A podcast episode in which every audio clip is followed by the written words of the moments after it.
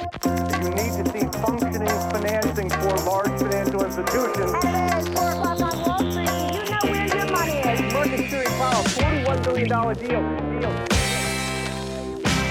Då hörni är det dags för investerarens podcast nummer 151 i ordningen. Det börjar vara slutet mot veckan, men eh, för att gå tillbaka till förra veckan så kan vi väl säga att vi fick en uppgång på 3,73% på Stockholmsbörsen och det är också den veckan som är den absolut bästa under 2020. Så den veckan som alltså är lagd till handlingarna blev årets absolut bästa börsvecka. Och det var ju lite grann oron för coronaviruset la sig lite grann och nu är det återigen tillbaka på tapeten om man börjar fundera kring om det är så att Kina också har mixtrat med med de officiella siffrorna kring hur många som är smittade. Så att vi har, jag menar tidigare har vi ett och ett halvt års tid, nu snart två års tid levt med handelskonflikten. Nu har vi ett fas 1-avtal som också har öppnat upp betalmarknaden för många utländska bolag såsom Visa, Mastercard och American Express. Här är en marknad som är värd 27 000 miljarder dollar, så det är ju en spännande marknad. Men vi fick liksom ett mer av ett risk-on sentiment igen förra veckan och den här veckan har det stökat lite grann. Men det, liksom, det är alltjämt spänt och det är coronaviruset som är på alla släppar fortfarande. Det är många bolag som är lite oroliga kring de mer långtgående konsekvenserna och om det är så att vi inte får, eh, får bukt med det här så att säga. Men som jag har förstått det så har den exponentiella tillväxten börjat avta lite grann. Men det är många bolag som har sagt att mm, nu börjar det påverka oss från amerikanskt håll sa man idag att liksom det är inte många månader kvar innan det här börjar bita in i den reala ekonomin för oss. Eh, mobilmässan i Barcelona eh, slopade man helt enkelt. Det var för, för alldeles för många bolag som, ehm, eh, som ställde in eh, många tunga pjäser. Så där eh, slopade man faktiskt den. Och det, det är lite grann... Eh, ja, eh, inte för att jag är någon branschkunnig i den bemärkelsen utan snarare lekmannamässig. Men jag ser det lite grann som en märkeshändelse ändå. Att det får mer långtgående konsekvenser som sagt. Men förra veckan då var det risk on. Och vi fick ett, no ett nytt all time high på OMXS30 här den här veckan på 1893,27. Och det behöver du inte komma ihåg men 1720.02 var ju eh, den nivån då som vi hade den 27 april 2015 som vi erövrade, återtog och forcerade den 21 oktober i fjol när Atlas Copco kom med rapporten och hade en vakuumdel, en vakuumdivision som gick betydligt bättre. Och sen dess är börsen upp ungefär 10% så att vi ska sätta saker och ting i relation och det gjorde jag ikväll. Jag satt och reflekterade lite grann och insåg att den här referenspunkten kring finanskrisen om man säger att börsen är upp så oerhört förbaskat mycket Eh, man, ja, ja, ni vet ju att jag håller ju inte riktigt med om det. Och då insåg jag här ikväll då att jag liksom några månader innan eh, finanskrisen inleddes den 13 juli 2007 kunde stövla in på Systembolaget och köpa min första bärs av eh, viktigt signalvärde självfallet. Det är inte så ofta där eh, nu för tiden. Men det är ju självfallet, eller var då i alla fall, kul när man, eh, när man fyllde 20. Ni ska också komma ihåg att jag kommer från Boden, man hade inte så mycket annat roligt för sig så att man hängde väl på låset där då. Kan jag tänka mig. Och det här är ju liksom ett tag sedan. Det känns inte som att det är igår. Jag är snart medelålders gubbe, tvåbarnspappa. Så att det är liksom ett tag sedan vi, vi genomlevde finanskrisen. Och för de som säger att börsen inte har svängt sedan dess, ah, håller inte riktigt med där heller. Vi har haft liksom, vi hade ju en recession eh, eh, det här under förra årtiondet. Man hade ingen björnmarknad och man hade ingen recession i USA. Men vi fick en recession i Sverige 2012 och vi hade en nedgång på börsen dessförinnan. Börsen brukar ju vara framåtblickande. Så redan 2011 hade vi en nedgång på 29,6% och sen hade vi en nedgång under året också på 16,5% 2012 då. Det året då vi fick en recession. Som sagt, USA har inte haft någon recession och ingen björnmarknad under förra årtiondet. Och sen hade vi från toppen 27 april 2015, det vill säga föregående all time high, fram till Brexit-dagen då den 27 juni 2016 när vi öppnade upp så hade vi en nedgång på 27,9%. Och sen hade vi ju en nedgång på 17,9% också hösten när det var börsfrossa 2018. Så jag tycker vi har haft rätt mycket svängningar. Så jag tycker liksom att man kan lägga den här jämförelsen till handlingarna. att börsen har stigit så pass mycket sen finanskrisens dagar. För det stämmer ju inte riktigt. Ehm, det är så här det ser ut. Då kan vi lika gärna säga att börsen har stigit jättemycket sen ehm, Hedenhös också. Så att jag tycker att vi lägger det till handlingarna. Någonting, någonting annat som har hänt är ju att vi har släppt Avanza Europa. Så ytterligare en en fond i indexfondfamiljen som följer indexet MSCI Europe SRI 5% Issuer Capped. Vilket innebär då att det är max 5% vikt också här. Alltså, sen har vi en liten, eh, en liten lärdom som jag har dragit senaste veckan och det är när Dagens Industri skrev om skogsbolagen och eh, hur eh, den, det varma vädret, det varma klimatet den senaste tiden gör dels att det ökar risken för skadedjursangrepp, det lägger jag till själv här. Men det de skrev, det var att det blir lite jobbigt för skogsbolagen när det inte blir tjäle i marken. Därför att de här tunga skogsfordonen, man kan inte riktigt Riktigt eh, framföra dem på, eh, på vägen så att säga fram till det här skogsdungen eller vad, liksom skogsmarken där man ska arbeta och avverka skog för att det är skadligt för, för eh, själva marken, eh, vägen. Och dessutom kan man inte riktigt köra i skogen heller därför att man, man skadar helt enkelt marken när den är för mjuk så att säga, när det inte finns någon tjäle. Och du kan skada rötter och allt vad det är och sen så dödar du vegetation och, och träd och det blir inte bra helt enkelt.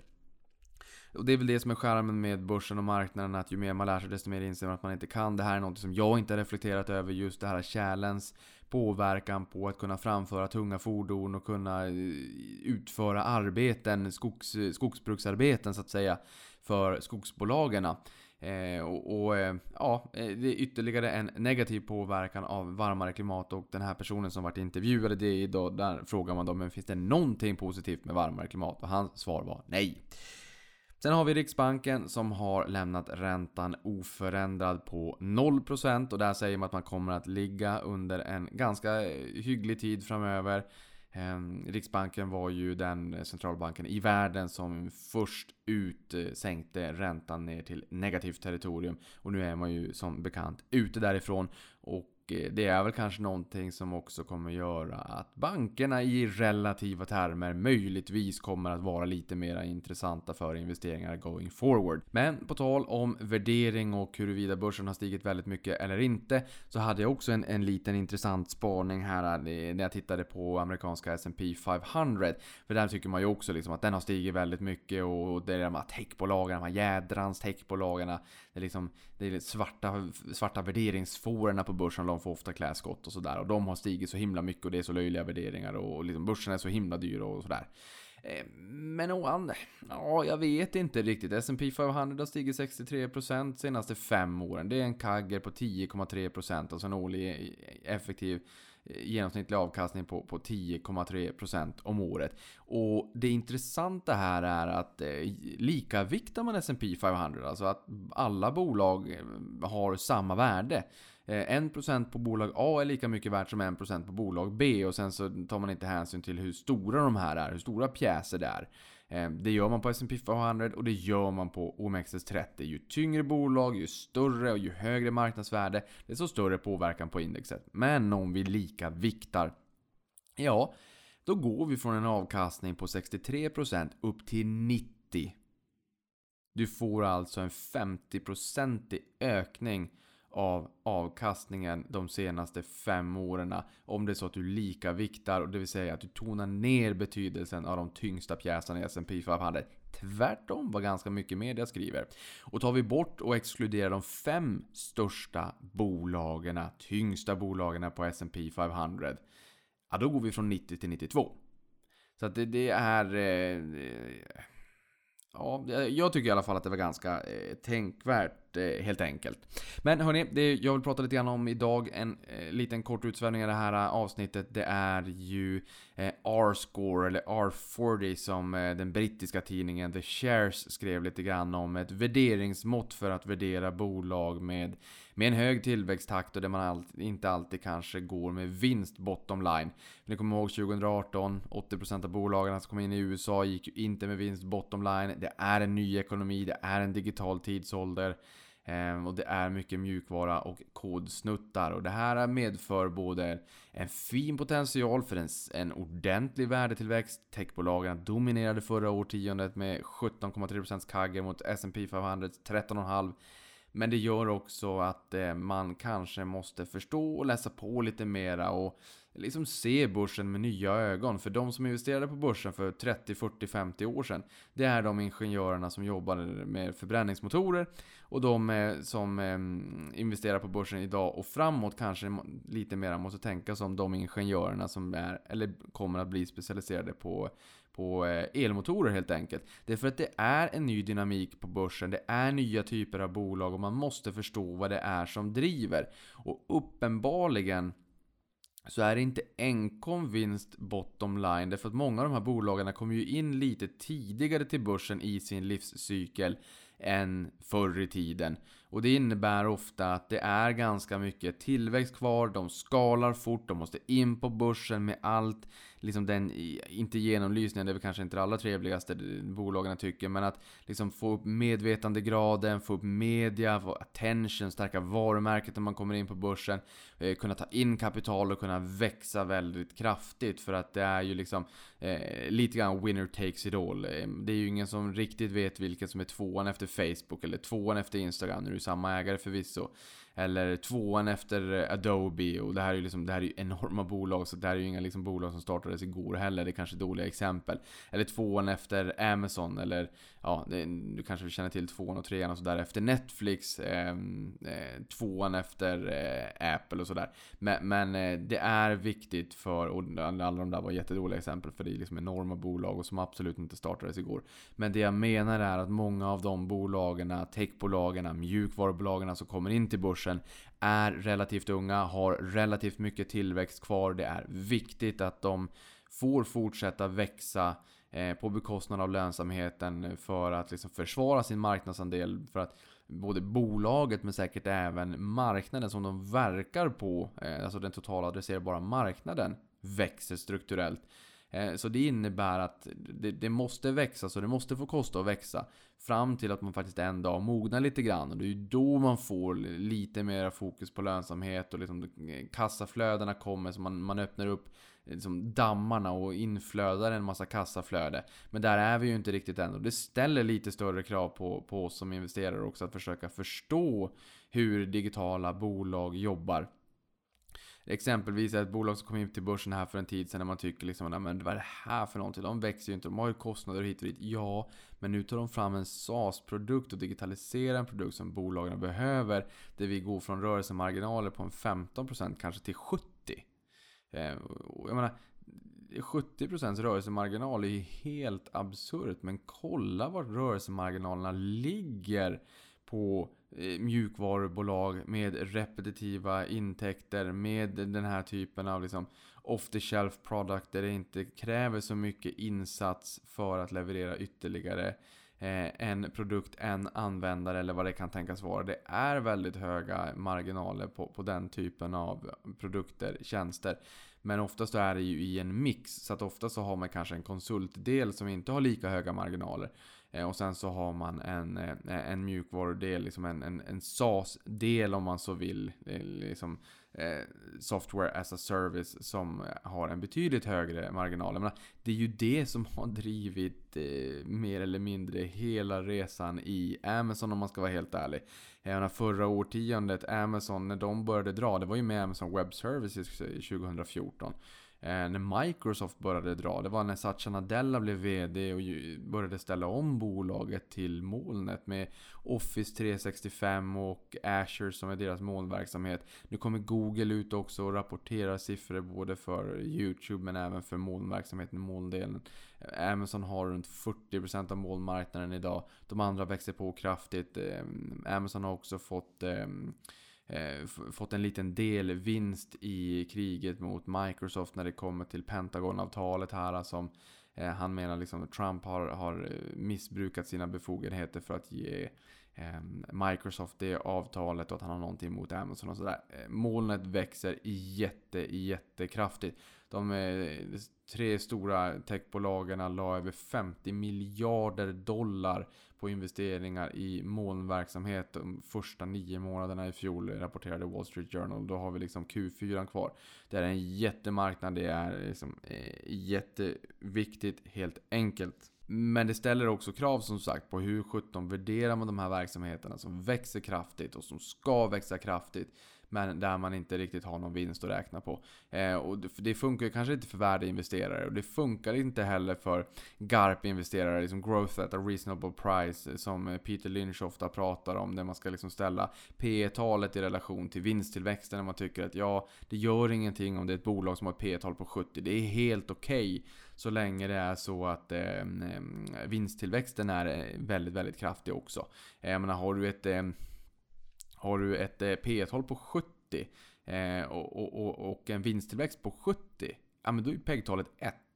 Eh, en riktig värdeinvesterare kanske vill ha ett PEG-tal under 1, men aktiespararna säger liksom 1 till 2 är väl okej. Okay. Så att jag menar, har du ett P-tal på 70 och en, en vinsttillväxt på 35, då har du ett PEG-tal på 2. Det menar de också så här, ah, Ja, men det är ändå okej. Okay. De växer in i värderingen. PEG-talet, alltså Price Earnings eh, Divided by Growth. Man skriver ut PEG som det låter. Men du tar P-talet och delar på vinsttillväxten helt enkelt. Ofta så kan man ju kanske, om man vill vara lite mera eh, försiktig, så tar man väl kanske snittet på vinsttillväxten de senaste 3 eller 5 åren. Och var hittar man den då? Ja, exempelvis eh, fortraders.com tycker jag är en jättebra sajt. Börsdata om det är så att du har den. Eh, de källorna är ganska många där ute för att få fram den här datan helt enkelt. Eh, så det är bara att kika upp och sen så tittar du där. Men menar, problemet blir ju liksom om bolaget inte har någon vinsttillväxt. Då kan du inte räkna ut något PEG-tal. Och varför man ska räkna med PEG-tal överhuvudtaget? Jo, det är för att när du kommer och kör vid en fartkamera, även om du tvärnitar om du kör för fort, det får man inte göra. Men om du gör det så kommer fartkameran absolut inte se liksom att du står på bromsen och tvärnitar, utan den ser ju bara ögonblicksbilden, precis den hastigheten du hade där och då. Men när du har passerat kameran, om du sätter plattan i mattan, det får du inte heller göra, eh, men lek med tanken att du skulle göra det. Eh, och att vi liksom eh, översätter det i börsvärlden till att du får en, eh, en explosiv vinsttillväxt. Ja, då spelar det ingen roll vad du riktigt har haft för P tal dessförinnan när du fastnade på den här eh, fartkamerabilden. Därför att du kommer väldigt, väldigt snabbt växa in i värderingen om du får en accelererande vinsttillväxt. Så att P-talet är ju bara en ögonblicksbild. PEG-talet säger någonting lite mer om momentum och vart du, vart du är på väg. Alltså accelererar du eller bromsar du in så att säga. Och du vill ju accelerera. För då får du ett lägre PEG-tal. Det är som att gå till en matbuffé, eh, köpa en två nummer för stor kavaj, känna så här. Det är helt okej, okay, jag kommer växa in i värderingen, jag kommer växa in i kavajen. Därför att jag sitter där jag sitter och sen så kommer jag käka en massa eh, soja och, och, och sötsursås och eh, friterad kyckling och eh, massa röd curry, det kanske inte är lika onyttigt. Friterade bananer och glass. Eh, och kolasås. Eh, och Coca-Cola till slut så växer du in i den här värderingen. Eh, men från början så hade du alldeles för högt P tal Från början hade du alldeles för stor storlek på kavajen. Men vinsttillväxt eller väldigt mycket kalorier in eh, gör att du växer in i värderingen helt enkelt. Men vad The Shares då pratar om det här R40 score, det är ju liksom när bolaget inte går med, eh, ja, de kan gå med vinst också. Men det är ett, eh, ett mått som eh, allt fler bolagsledningar som jag förstår använder som ett av många mått förmodligen för att få en liten input, en liten känsla för hur man ska balansera intäktstillväxten mot lönsamhet. För jag menar det jag sa tidigare, unga bolag som är digitala, de ska fortsätta all in växa. Men sen ska de ha en, en path to profitability, man ska ha någon form av hum liksom. Hur ska vi ta oss till lönsamhet? Och hur kommer framtiden se ut? Kommer vi någonsin vara lönsamma? Uber var ute i USA och sa nej, vi, vi kanske aldrig blir lönsamma. Det ska man kanske inte kommunicera till marknaden. Och, och, fast man ska ju vara ärlig. Man ska kommunicera allt. Men då kanske man ska fundera på varför man överhuvudtaget ens finns på börsen. Eller varför man vill investera i Uber i sådana fall. Men Annars så har väl förhoppningsvis alla bolag en plan om att bli lönsamma någon eh, gång helt enkelt. Men det här måttet, man kan kika på det och fundera på eh, är det tillväxt eller lönsamhet eller en kombination av de här två vi ska välja. Och allra vanligast är ju en kombination av de två. Ta Storytel exempelvis. Det är klart att de ska fortsätta investera och etablera sig i nya marknader. Och de har ju väldigt bra koll på vad, eh, vad det kostar att ta in en ny kund. Vad livstidsvärdet är på en ny kund vad könen är, alltså hur många kunder som lämnar plattformen, vad snittintäkten per kund är. Man har all den där datan och det är klart att då ska man ju fortsätta att investera i att ta in nya kunder, även fast det kostar pengar idag. Om det är så att man får en positiv avkastning på investeringen. Och det är ju ganska skönt när en del av organisationen blir lönsam, när de har allt fler marknader som blir lönsamma, som genererar positiva kassaflöden. Därför då kan du ju använda de positiva kassaflödena till att finansiera andra hål i, eh, i, i bolaget så att säga, som inte går med vinst ännu. Så att du tar pengar från de delarna av verksamheten som har blivit kassakor om man så säger, eller unga kassakor åtminstone. Och sen så lägger man in de pengarna i eh, tillväxt, i att etablera sig i nya marknader som kommer generera ännu mera eh, Eh, tillväxt när de nya marknader man investerar i också blir kassakor en gång i framtiden, förhoppningsvis. Så att, eh, ja. Men, ska vi titta på det här måttet då? Det, det man säger då, det är ju att R40 score, du ska ha ett värde på minst 40. Och det är när du lägger samman intäktstillväxten och vinstmarginalen. Helst ska du ha ett värde som överstiger 40, men åtminstone 40. Men är det så att det är långt över 40, det är jättebra. Men åtminstone 40. Och frågar du mig varför just 40 så blir svaret eh, nästa fråga. Eh, för det är jag inte helt säker på, men det är, liksom, det är så man har utarbetat det här måttet. Och liksom lite grann det, varför det får ett erkännande, det är för att allt fler bolag faktiskt använder sig av det här måttet. Det blir lite grann som en självuppfyllande profetia på något sätt. Det är ett vedertaget sätt, alldeles uppenbarligen, för att bedöma och balansera då intäktstillväxt kontra lönsamhet helt enkelt. Och trade-offen eh, där eh, emellan helt enkelt. Och tillväxten då menar tidningen här då att det kan vara att ta fram nya produkter och liksom eh, ta in nya kunder etc. Precis det jag pratade om alldeles nyss då. Och lönsamheten, ja det blir ju liksom att fokusera helt enkelt på att pausa lite grann det här nya och låta eh, kassaflödet, vinsterna sippra igenom. Lugna ner sig lite grann. Inte ta tillvara på de möjligheterna som ges ute i marknaden. Och eh, jag är ganska övertygad om att marknaden skulle bli ganska besvikna då och lämna bolaget för något annat ungt bolag i samma bransch som eh, är lite mera kloka med pengarna och fortsätter att växa helt enkelt. Jag menar, det är samma sak med utdelning. Ska ni dela ut 50% av resultatet till mig som kanske får 1% ränta på ett sparkonto at best eller så måste jag försöka hitta bra investeringar där jag kan ta risk med pengarna. Där jag kanske kan få en, en par, 2, 3, 4, 5, 6% om jag köper en högutdelande aktie. Eller eh, kanske ännu mer om jag hittar en, liksom, en aktie som stiger väldigt mycket. Men det är liksom, då landar ju den bevisbördan på mig och arbetet landar ju hos mig. Och varför skulle jag göra det? Om det är så att eh, det här bolaget kan få en avkastning på sig 10, 15, 20% på sysselsatt kapital. För bövelen, behåll pengarna, fortsätt väx. Eh, så att, eh, och det, det är väl lite så man ska tänka helt enkelt. Men den här trade-offen, jätteintressant. För om bolaget inte går med vinst helt enkelt, ja men då måste ju intäktstillväxten, omsättningsökningen, måste vara så pass hög att den kompenserar för eh, det faktum att man har en en flät, alltså en, en, ett nollresultat eller negativ marginal till och med då. Att man förlorar pengar för att man investerar och bygger verksamheten för framtiden helt enkelt. Och de tar Apple som exempel här också. Det är ju världens näst största börsbolag efter Saudi Aramco och är ju också ett lönsamt sådant. Och här menar man då att ebitda-marginalen förra året, de har ju brutit räkenskapsår så vid utgången här av september så rapporterade de en ebitda-marginal, det vill säga rörelseresultatet före av och nedskrivningar på 29,4%. Ehm, men tittar man på intäktstillväxten så minskade den 2%. Så det innebär ju att det här R40 score blir 27,4 och det är inte tillräckligt högt för att, Mm, för att få tummen upp när, när det gäller det här måttet. Sen är det ju så såklart att eh, jag tycker Apple är ett fantastiskt bolag och jag älskar produkterna. Eh, och det är väl kanske därför vi inte är eh, robotar utan människor. Vi lägger på en, en subjektiv bedömning på aktierna.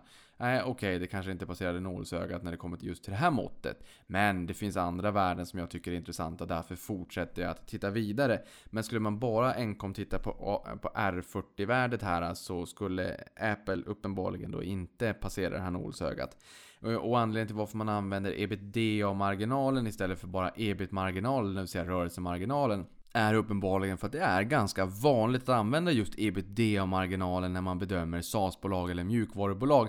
Eh, och det, förklaringen man får där är att man inte vill ta med kostnaden för investeringar i anläggningstillgångar i mjukvarubolag. Det vill säga att man, man har ju tillgångar som man gör avskrivningar på och det vill man inte få med i den här uppbyggnadsfasen för man tycker att det blir lite jämförelsestörande. Och det man säger där det är att det är viktigt att titta på vilken typ av bolag det är och vilket som är det gängse, mest accepterade måttet av så rent eh, vinstmått som möjligt i den branschen du tittar på. Ehm, så att det behöver ju inte vara så att du, du använder ett vinstmått på bolag A och ett annat vinstmått på bolag B i samma bransch. Då blir det lite orättvist. Men om det finns olika karaktäristika som gör att eh, man ibland använder ebit och ibland ebita och ibland ebitda. Eh, ja, det som är gängse i den branschen är väl det mest rättvisa. Det är ju den tolkningen jag gör av den här eh, artikeln då helt enkelt.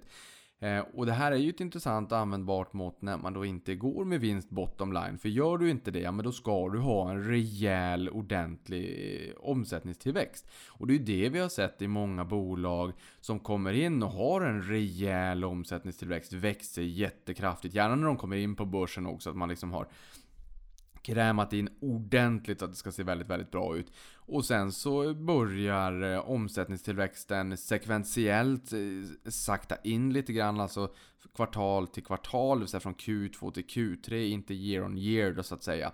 Men, men, eh, men att det sekventiellt börjar bromsa in lite grann och även kanske year on year jämfört med föregående år att det börjar bromsa in lite grann. Samtidigt som, eh, som lönsamheten är obefintlig, alltså lyser med sin frånvaro. Då får man ju ofta se väldigt kraftiga nedgångar på den här typen av bolag. Så det ska man ju vara lite, lite aktsam kring.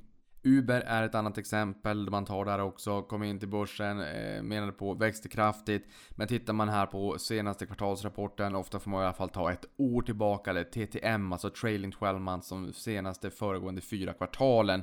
Eh, man behöver inte ta eh, 2019 års siffror när Q1 2020 kommer utan då tar man Q2, Q3, Q4 2019 och så Q1 2020. Så det blir rullande, fyra kvartal släpande bakåt så att säga. Och där såg vi att de hade en eh, försäljningstillväxt på 20,4% eller omsättningstillväxt på 20,4%. Kärt barn har ju många namn. Plus då en ebitda-marginal på minus 15,3%. Så att eh, försäljningen ökade 20,4% och ebitda-marginalen, rörelseresultat före av och nedskrivningar, var minus 15,3%. Tar man de två och lägger samman dem så får man ett R40-värde på 5,1. Uber klarar alltså inte nålsögat. Och det har ju också visat sig att det här har inte varit någon, någon riktigt jättetrevlig investering på, på börsen heller. Så att uppenbarligen det man vill ha, det är väl högre tillväxt såklart. Inte att den liksom börjar sakta ner, men också liksom, kanske lite mera fokus på, på lönsamhet. Antingen mycket, mycket kraftigare tillväxt, eller att man vill att lönsamheten ska sippra igenom. Eh, när du är väldigt, väldigt ungt bolag så blir det förmodligen väldigt mycket tillväxt. När du börjar komma in i tonåren så blir det lite mer en, en balans mellan tillväxt och lönsamhet. Och när du börjar bli seniora och mogna till där med lite grå hårstrån på, på börsskalpen.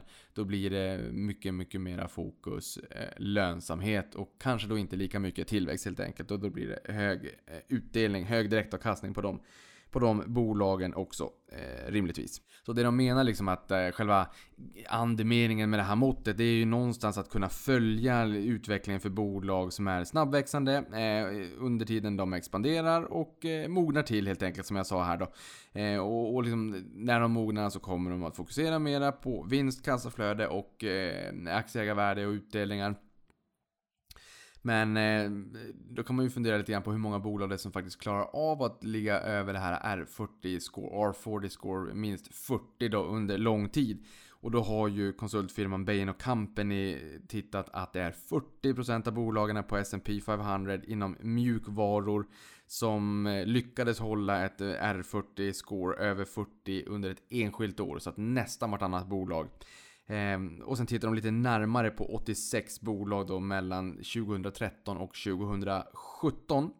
Och där var det 25% av bolagen som outperformade R40 de minst under tre år eller mer. Så att där faller det ganska många bort och tittar man ännu längre, liksom hela fem år, då är det 16% av bolagen som lyckas hålla det här värdet eh, över den här nivån. Så då inser man ju liksom att det inte är jättemånga bolag som lyckas hålla det här under lång tid. Så det här är ett mått av många. Det är ett sätt att filtrera bort de här riktigt kraftiga, snabbväxande bolagen.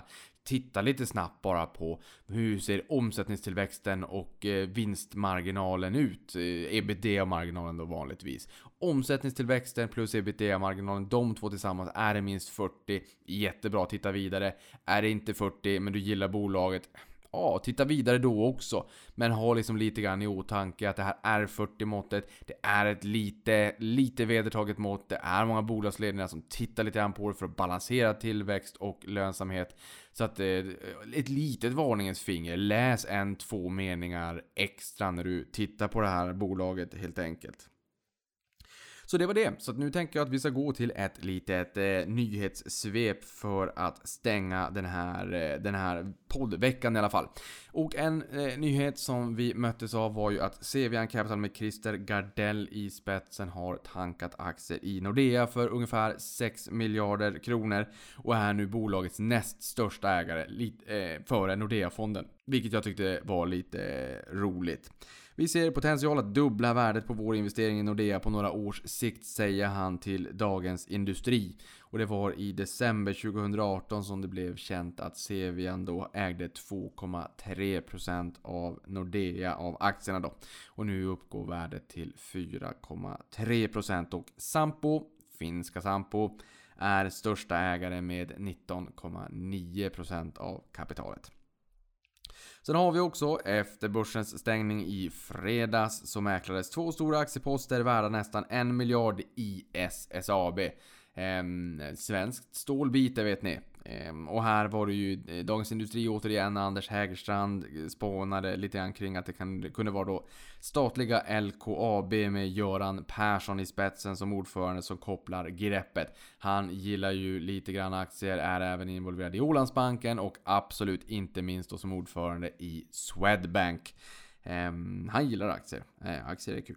Sen har vi enfastighetsbolaget Saltängen Properties. Kollapsade på First North. De förvaltar ju och hyr ut ICAs centrallager i Västerås. Och där var det lite stökigt.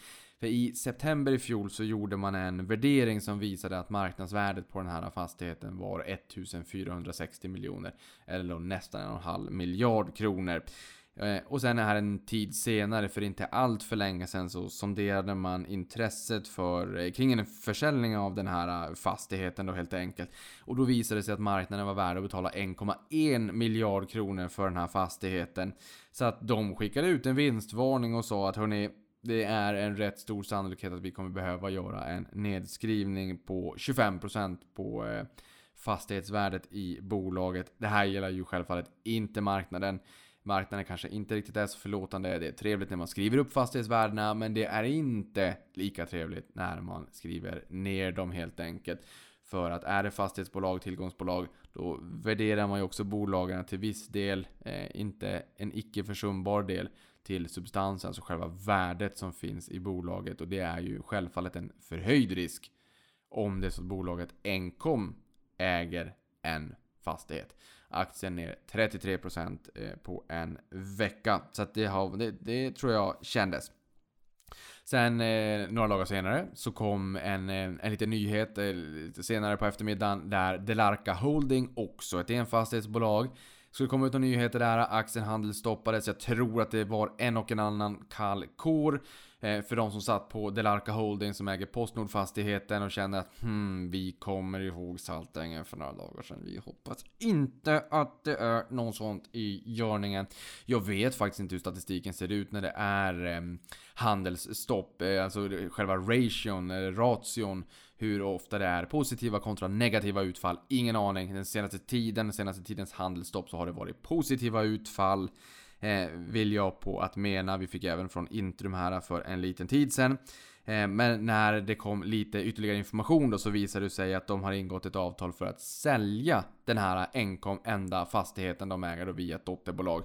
Eh, och det till 230 miljoner kronor över bokfört värde. Så att när handeln drog igång där 15.30 så såg vi ju aktiekursen pinna på som mest 30% upp. Så det var ju roligt för de som satt på, på eh, den aktien då helt enkelt.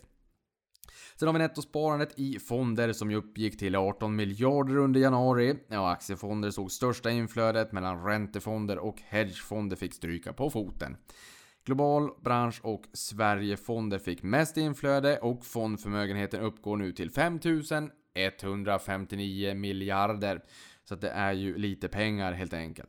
Sen hade vi i fredags eh, 322 av bolagen i S&P 500 hade då rapporterat sina Q4 -or. Och av dessa så var det 70,5% av dem som överträffade analytikernas förväntningar. Och 18,9% kom in lägre än estimat. Och då menar de också på att tittar vi på historia och historisk statistik sedan 94 eh, så visar det sig att 65% av bolagen brukar slå estimat. Eh, och 20% av dem brukar utgöra romrussin. Tittar vi på trailing 12 months så ser vi att 74% har slagit estimat. Snittet sedan 94 var 65. 74 har slagit estimat senaste eh, rullande 4 kvartal eller 12 månader.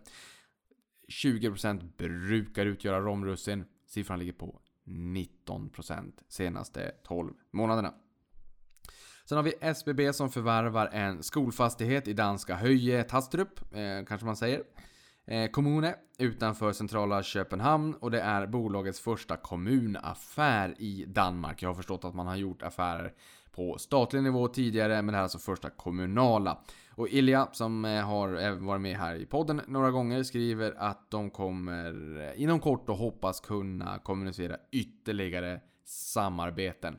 Så vi får väl se. Det blir en helt annan eh, geografisk mix going forward. De skriver ju också att de är Nordens största eh, var det Skandinaviens? Ah, vi säger Nordens största eh, samhällsfastighetsbolag. Eh, så att han har väl ambitioner kan jag tänka mig, eller de. Sen har vi probiotikabolaget Probi som har varit en market darling, men senaste åren har de haft det lite motvind, lite jobbigt. Nu meddelar man att vinden har vänt och man ser fram emot att 2020 ska vara ett år där tillväxttakten ska öka och pilarna pekar mer åt rätt håll. Eh, och de återupptar utdelningen och aktien steg i princip tvåsiffrigt, strax under tvåsiffrigt när jag kikade. Sen har vi kredithanteringsbolaget Moody's som eh, höjer Amazons kreditbetyg från A2 från, eh, till A2 från A3 med positiva utsikter och uppgraderingen är ett resultat av den starka utvecklingen för Amazon Web Services, det jag sa här för en stund sedan började dra 2014.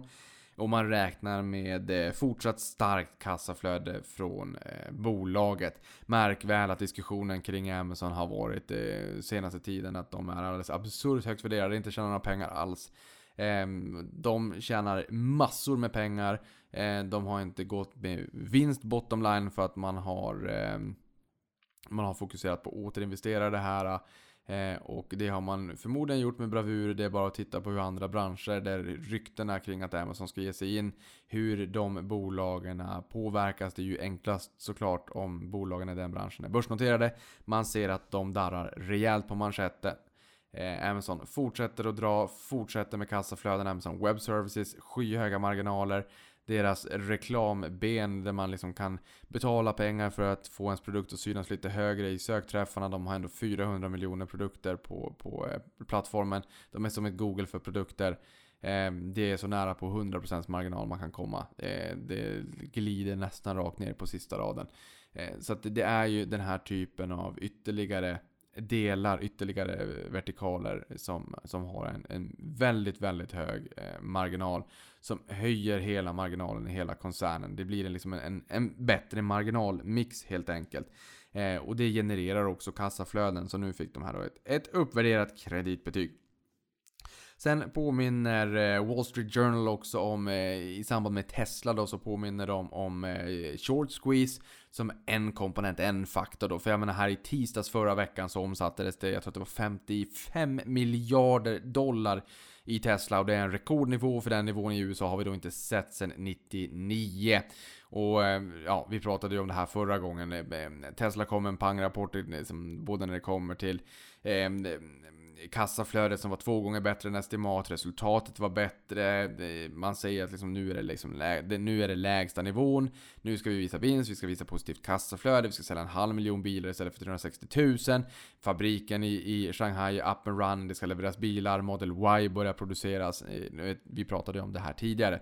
Poängen är att eh, short squeezen kan ju vara en delfaktor, en delkomponent i den eh, ursinniga rusningen vi såg Förmodligen inte 100% av, av förklaringsvärdet, men en del i alla fall.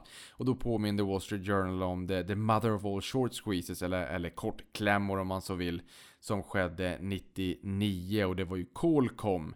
Eh, och den eh, short squeezen ledde till att bolaget aktien steg 2600% under 99. Så det är en påminnelse om att det kan bli väldigt jobbigt och väldigt eh, blodigt om du är blankare och du sitter på fel sida. För en, en aktie kan ju faktiskt bara gå ner 100%. Ehm, Medan den kan stiga hur mycket som helst. Och det jobbigaste blir väl om du sitter på en riktigt, riktigt stor blankningsposition och sen kommer ett bud på bolaget. Kanske till och med blir en budstrid. Eh, inte sådär jätteroligt. Men med de fantastiskt trevliga orden och den jättepositiva avslutningen så säger jag eh, fortsatt trevlig vecka på er, trevlig helg, avkastning på er. Eh, och sen så hörs vi igen nästa vecka och då kanske vi kan prata lite mera om eh, bolagen som har drivit S&P 500 de senaste fem åren och det är inte de bolagen som man eh, normalt vanligtvis tänker på eller läser om i media när man lika viktar S&P 500. Låt oss återkomma till det. Tack och godnatt!